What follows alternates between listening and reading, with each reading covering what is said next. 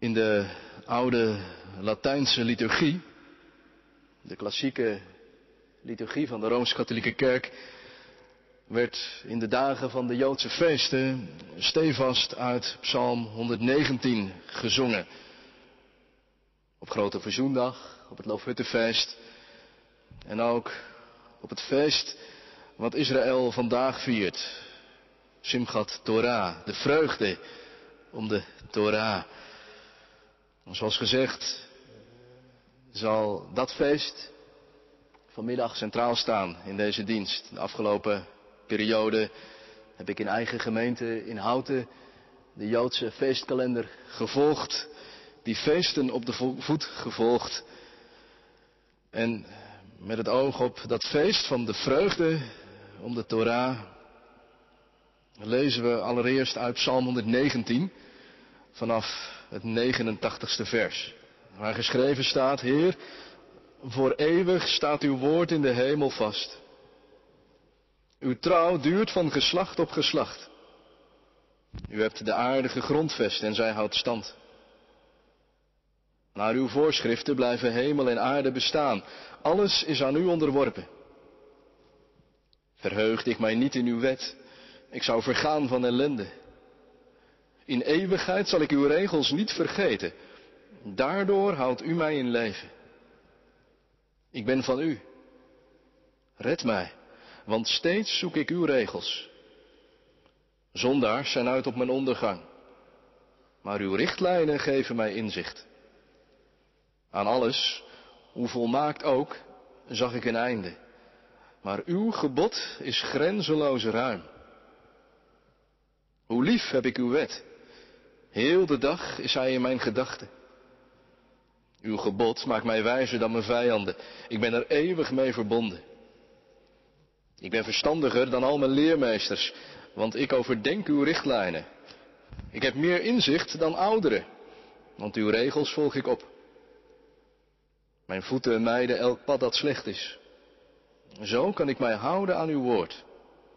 Van uw voorschriften wijk ik niet af. U bent het die mij onderricht. Hoe zoet zijn uw woorden voor mijn gehemelte, zoeter dan honing voor mijn mond. Uw regels geven mij inzicht, daarom haat ik elk bedrieglijk pad.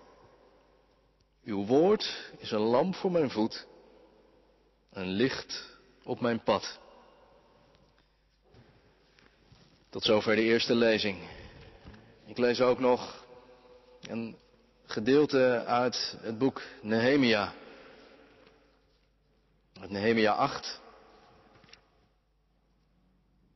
Om te beginnen de eerste drie versen.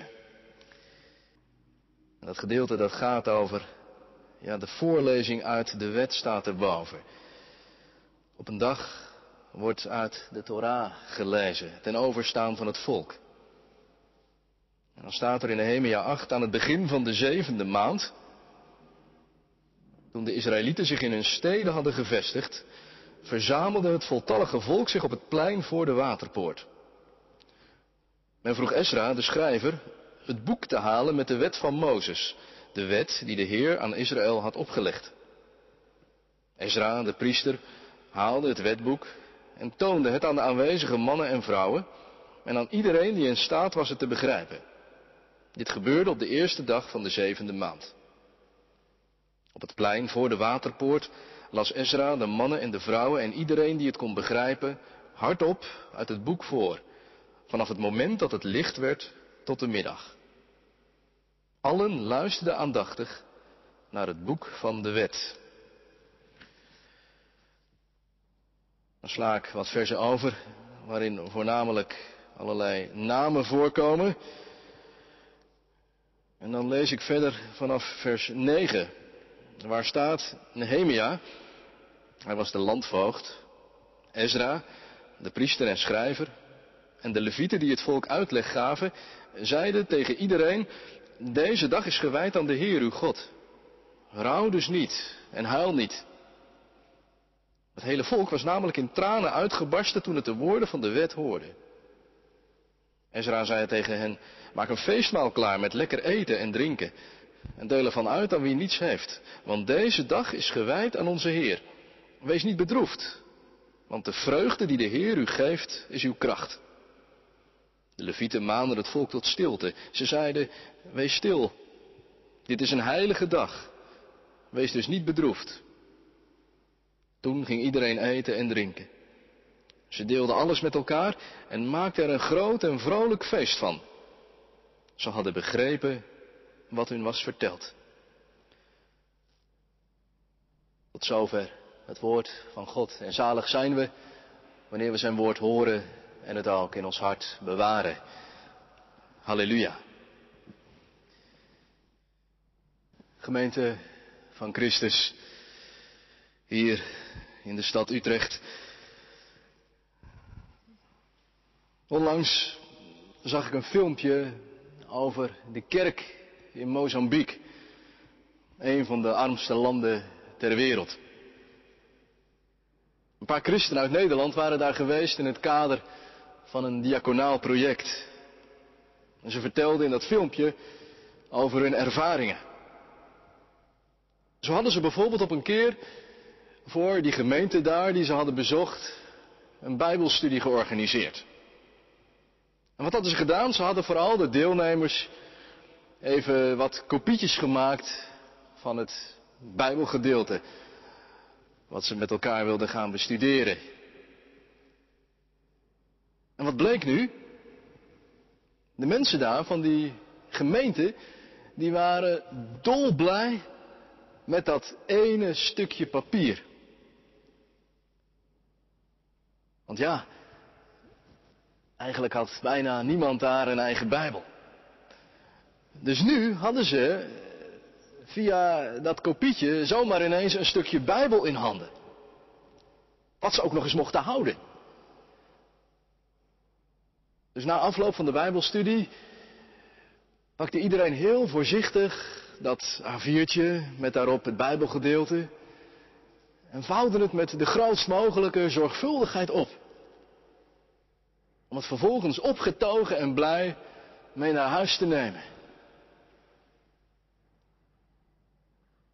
Diezelfde blijdschap kenmerkt ook wel Simchat Torah, het feest van de vreugde over de Torah.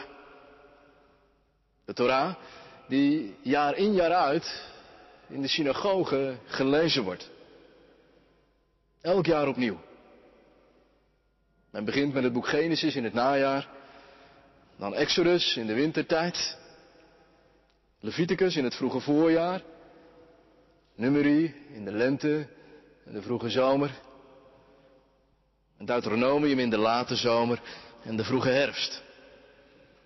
En als er op de laatste dag van het Loofhuttenfeest, wat in de achterliggende week gevierd is, het boek Deuteronomium wordt uitgelezen, dan begint men vervolgens gewoon weer bij het begin. En klinken dus opnieuw die bekende woorden, in den beginnen schiep God de hemel en de aarde. Men begint gewoon weer opnieuw, want met de Heilige Schrift raak je nooit uitgelezen. Je kunt nooit zeggen, het boek is uit. Punt. En nu is dat uitlezen en opnieuw beginnen in de synagoge een hele ceremonie. Waarbij twee leden van de gemeente van de synagoge een ererol spelen.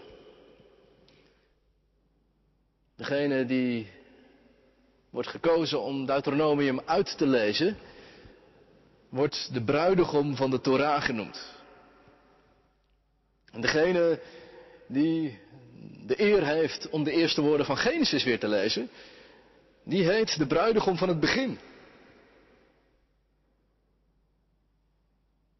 Ja, dan zijn er dus twee mensen die de rol van bruidegom hebben. Dan is de logische vraag, wie is dan de bruid? Nou, de bruid dat is de Torah. En wie haar dus namens heel de gemeente mag voorlezen, twee mensen in dit geval, die zijn de bruidegom. En daarmee is Simchat Torah eigenlijk het feest van de liefde. De liefde tot de Torah. En die liefde wordt gevierd. En hoe? Als de lezingen uit Deuteronomium en Genesis hebben geklonken, dan volgt er in onderscheid van alle andere keren in de synagoge, dit keer geen uitleg. Want is de gedachte, de Torah, die kun je niet maar enkel benaderen met je verstand, met je ratio. Er is ook nog de liefde. En de liefde is meer. De liefde overstijgt alles. Dus wat gebeurt er na die lezingen uit Deuteronomium en Genesis? Dan wordt er in de synagoge vrolijk gedanst met de Torahrollen in de armen. De geliefde wordt zeg maar letterlijk in de armen genomen. En men gaat zingend en dansend door de synagoge. Eerst een aantal rondjes om de verhoging waarop de Torah gelezen wordt. Zeg maar zo'n verhoging als waar ik nu sta. Daar gaat men dan vrolijk in de ronde dansend omheen. En vervolgens gaat dan de hele gemeente zingend en dansend de synagoge uit de straat op. Daarbij nemen vaders en opa's hun kinderen en kleinkinderen op de schouders. En sowieso is het ook voor kinderen een aantrekkelijk feest. Want ze worden overladen met snoep. Immers, er staat in Psalm 119, vers 103. We lazen het al. Hoe zoet zijn uw woorden voor mijn gehemelte. Zoeter dan honing voor mijn mond. Tja, Psalm 119. Ik herinner me nog goed dat we onlangs thuis aan tafel aan die psalm begonnen. En elke keer weer een stukje lazen. Al gauw klonk, klonk het commentaar van mijn kinderen. Het is steeds weer hetzelfde. En ik kon ze geen ongelijk geven.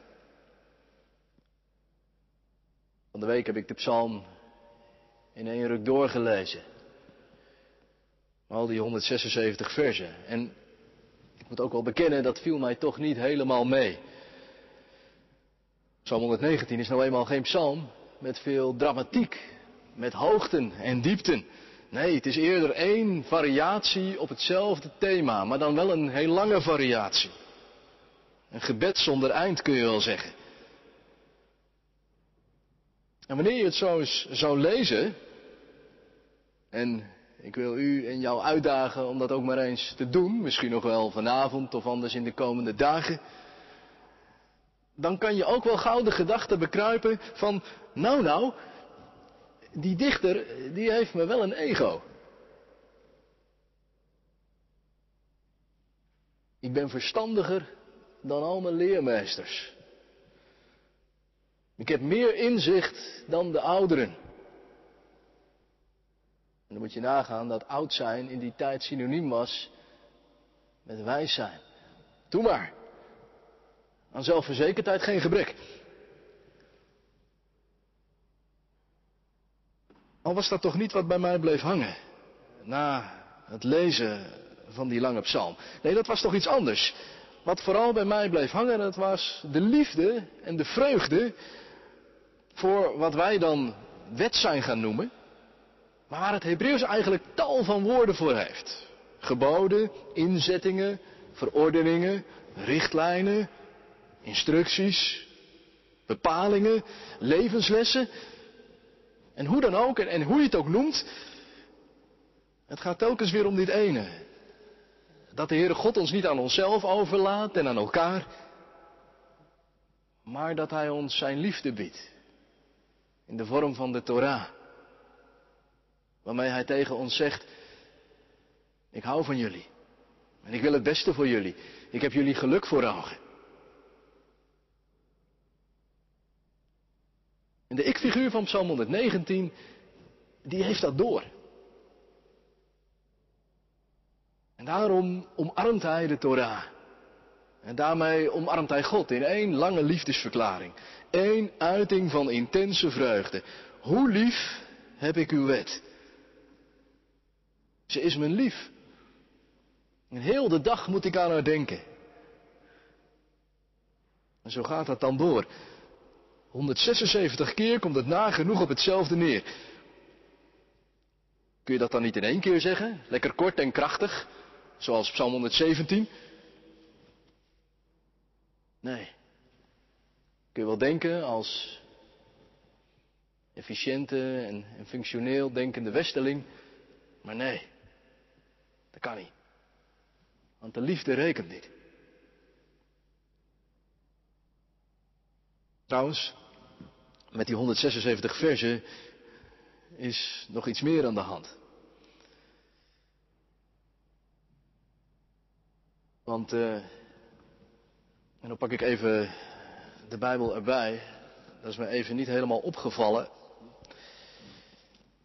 Nee, ik dacht het al wel, maar nu zie ik het ook.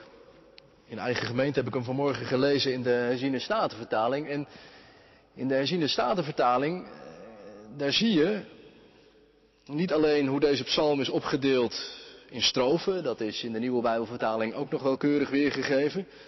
Maar in de herziene vertaling zie je ook nog dat Psalm 119 is opgebouwd volgens de letters van het Hebreeuwse alfabet. Die 22 letters. Er zijn evenveel strofes als letters. En elke strofe die heeft acht versen. Acht.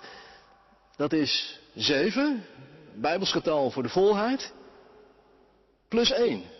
En dat wil zeggen iets nieuws, een nieuwe schepping. En 22, die 22 letters van het alfabet, dat wil in de Bijbel zeggen 2 keer 11. En 11 is ook weer een Bijbels getal voor vervulling. 8 maal 22. Hemelse volheid maal vervulling.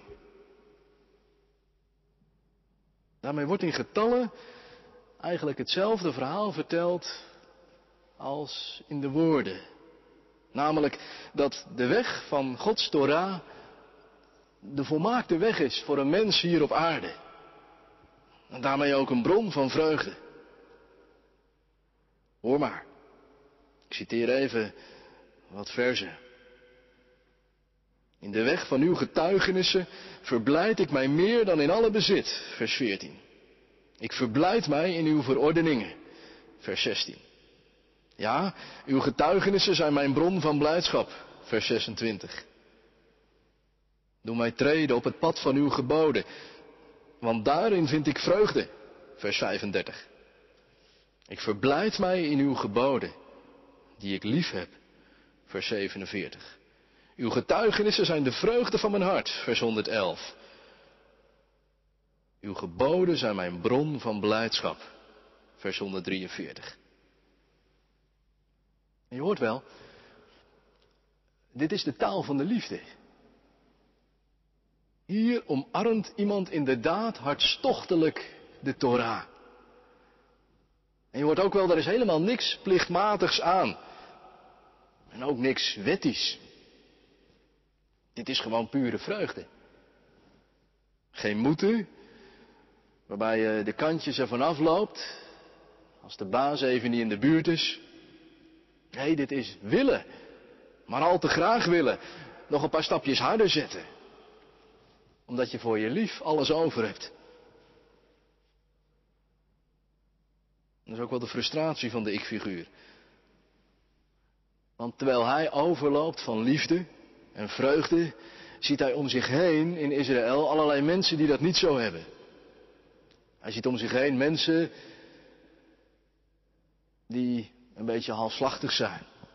Die Gods woorden niet omhelzen, maar een beetje op afstand houden.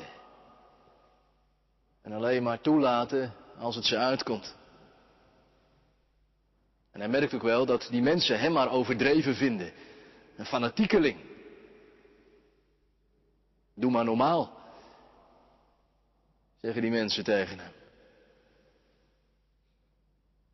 Terwijl ik zo bezig was met de preek, vroeg ik me af, hoe zou nou de dichter van Psalm 119 naar ons kijken?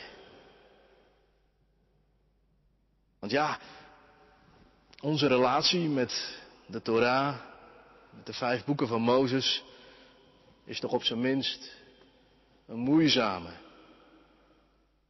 We zijn het ook niet voor niets wet gaan noemen. En wet dat is toch moeten. Wet is regeltjes en regeltjes die knellen en beperken Zoals de coronaregels. De wet is in het christendom toch vooral een last geworden, in plaats van een lust. Het is een juk wat je van je af moet werpen. Ach, wet is maar wet, zeggen sommigen. Wij zijn christenen, wij leven van genade. We zijn vrij van de wet.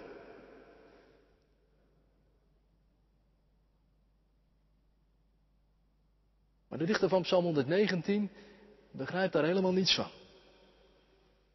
Alsof hij niet leeft van Gods genade. Alles is genade. Ook de Torah is genade. Maar waarom dan zo negatief? Waarom zo moeizaam? Is het dan wel liefde? Zou hij zich afvragen.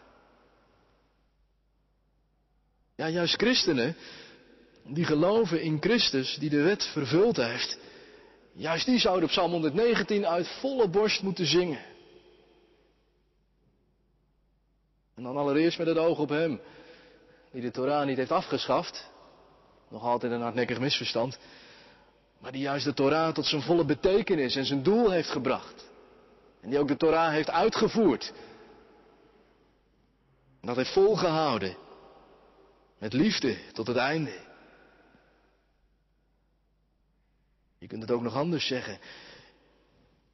Jezus is zelf in eigen persoon de levende Torah, het levende woord.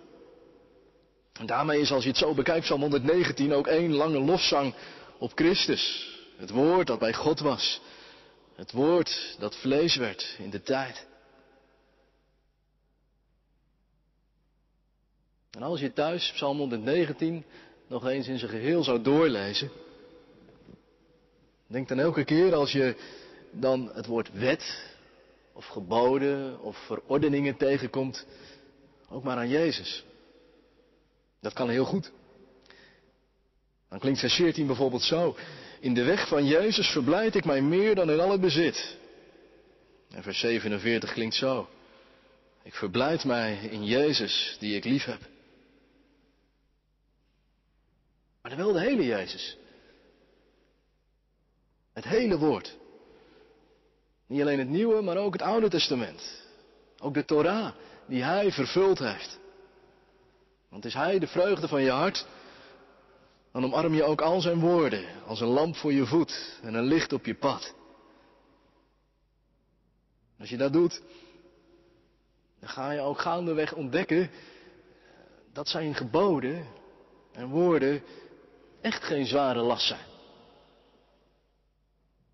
heeft het zelf gezegd, hè? mijn juk is zacht en mijn last is licht. Daarmee doelt hij ook op zijn onderwijs, op zijn woorden. Dat is niet iets wat je opgelegd wordt.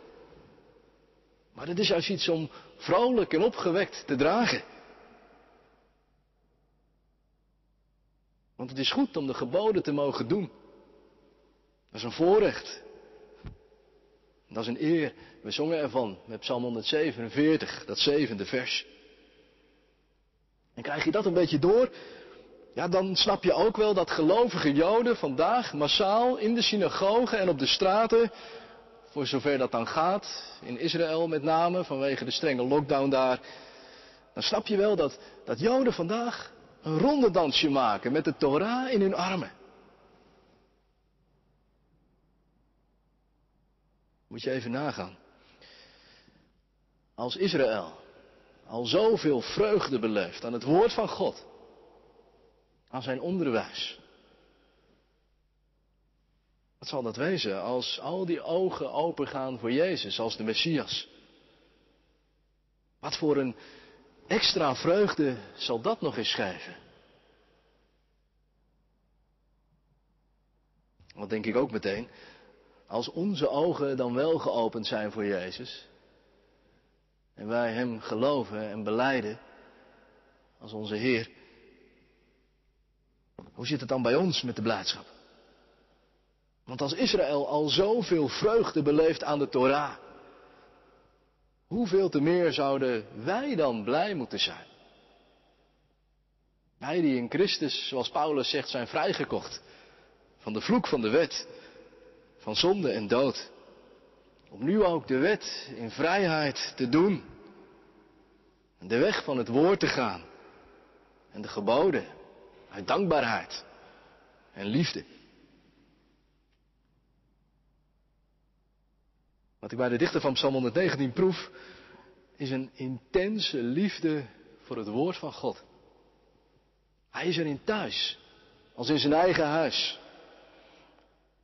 Hij kan zelfs in het donker, zo op de tast, er zijn weg in vinden. En volgens mij is dat wel een toenemend probleem bij ons als christenen. Het thuis zijn in de Bijbel. Dat je niet alleen maar zo'n beetje de grote lijnen kent, maar ook de details. Want ja, je kunt misschien nog wel de grote lijnen heel goed weten, maar het leven van ons, van elke dag, dat speelt zich toch af in de details, hè? In, in de kleine keuzes van elk moment. Dat je ook daarin dan Jezus volgt. Maar dan moet je wel kennen. Vanuit het woord. Vanuit het evangelie, waarin hij tot je spreekt. Je ontmoet, je uitdaagt, je corrigeert. Maar net zo goed ook vanuit die woorden van de Torah, die hij vervuld heeft en uitgevoerd tot in de kleinste details. Al die woorden zijn vensters op hem. En daarmee ook woorden om te koesteren. En te strelen als een geliefde.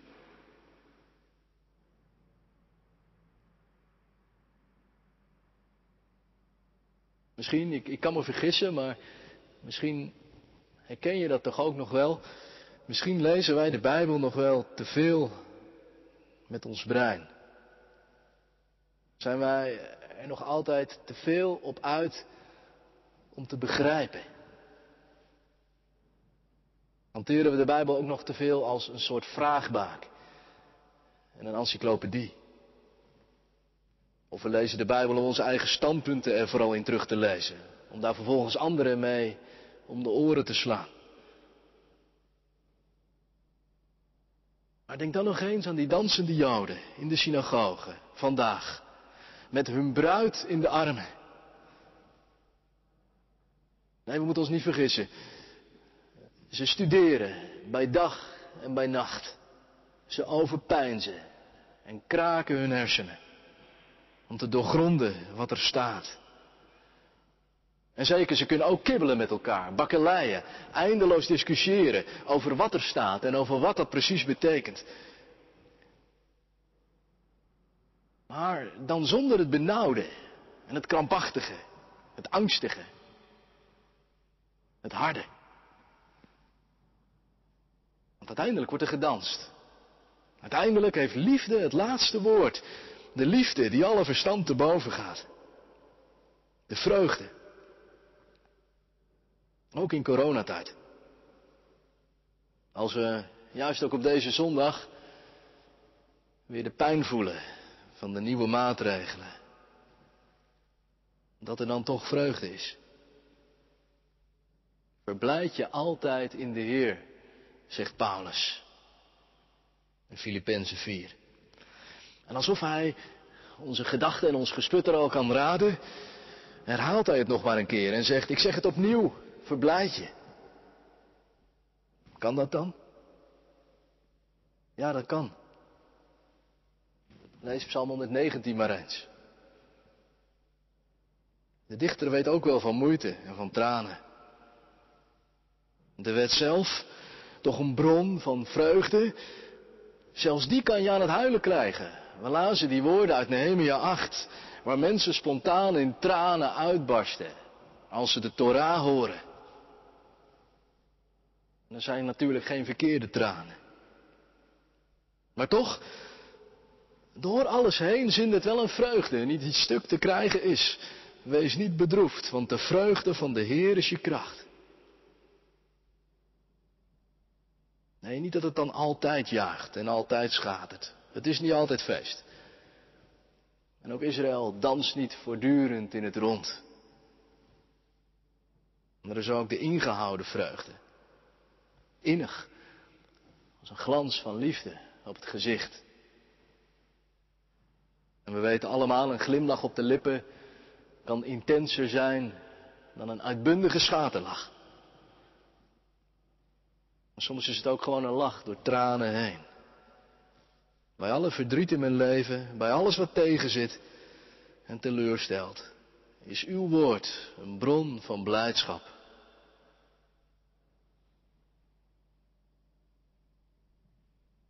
En als die blijdschap soms ver weg is, heel ver weg, misschien al tijdenlang, stel jezelf dan ook wel eens even de kritische vraag, hoe zit het dan bij mij met dat woord? Is dat soms schaars geworden? Zoals in de dagen van Eli.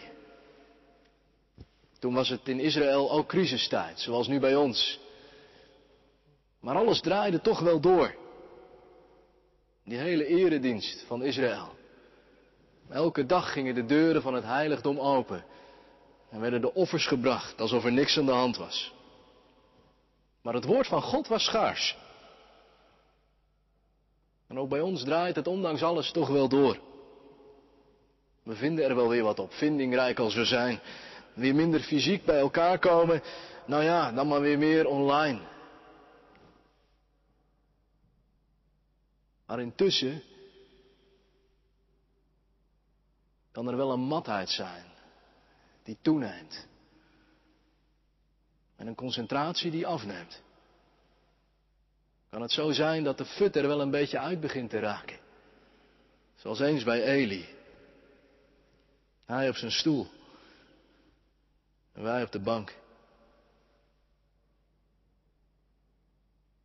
En ik zat te denken, toen ik bezig was met de preek, misschien moeten we juist in deze tijd wel meer actief en meer bewust de vreugde gaan oefenen en beoefenen. Juist tegen de matheid. Hoe dan? Nou, door in deze rare tijden vol beperkingen bewuster dan ooit dat juk van Jezus op ons te nemen. Zijn onderwijs, zijn woorden. Om zo de last van corona te dragen. Niet maar zuchtend en klagend, maar vrolijk en blijmoedig. Omdat Jezus juk zacht is. En zijn woorden bij alle narigheid een bron van vreugde zijn. Dus dat je zijn woord, en dat wil dus eigenlijk zeggen heel de schrift, van kaf tot kaft, inclusief de Torah, die eerste vijf boeken, tot je neemt. En dat je zo de vreugde voedt. Om Hem, die onze vreugde is. En dat dan niet alleen in je uppie, in je binnenkamer. Maar als het even kan, toch ook samen. Samen onder dat juk van Jezus. Samen de schouders eronder. Want zo verlicht je elkaars last. Nou weet ik wel, praktisch is dat ingewikkeld momenteel. Die Bijbelkring, die je misschien voorheen had voor coronatijd, ja, die, die, die kan u even niet, in elk geval niet fysiek. Fysiek is toch wel het beste. Om het vol te houden op de lange duur. Maar Jezus zegt zelf, twee of drie is ook goed. Dan ben ik erbij, belooft hij. En vier mag ook wel, van onze premier. En met Jezus erbij maakt dat vijf, maar geen boa die daar iets van zal zeggen. En dat kan thuis, dat je thuis bij elkaar komt. Maar misschien ook hier, in de ruimte van deze kerk. Wie weet. Groepjes van vier op allerlei momenten door de week heen. Ik heb dat vanmorgen in Houten gezegd, een balletje opgeworpen. Ik zeg dat ook maar hier. En wie weet gebeurt het ook al. Ik denk dat we in deze tijd vooral ook een beetje creatief moeten zijn. De onderlinge bijeenkomsten niet moeten nalaten. Juist elkaar ook moeten aansporen, elkaar moeten bemoedigen.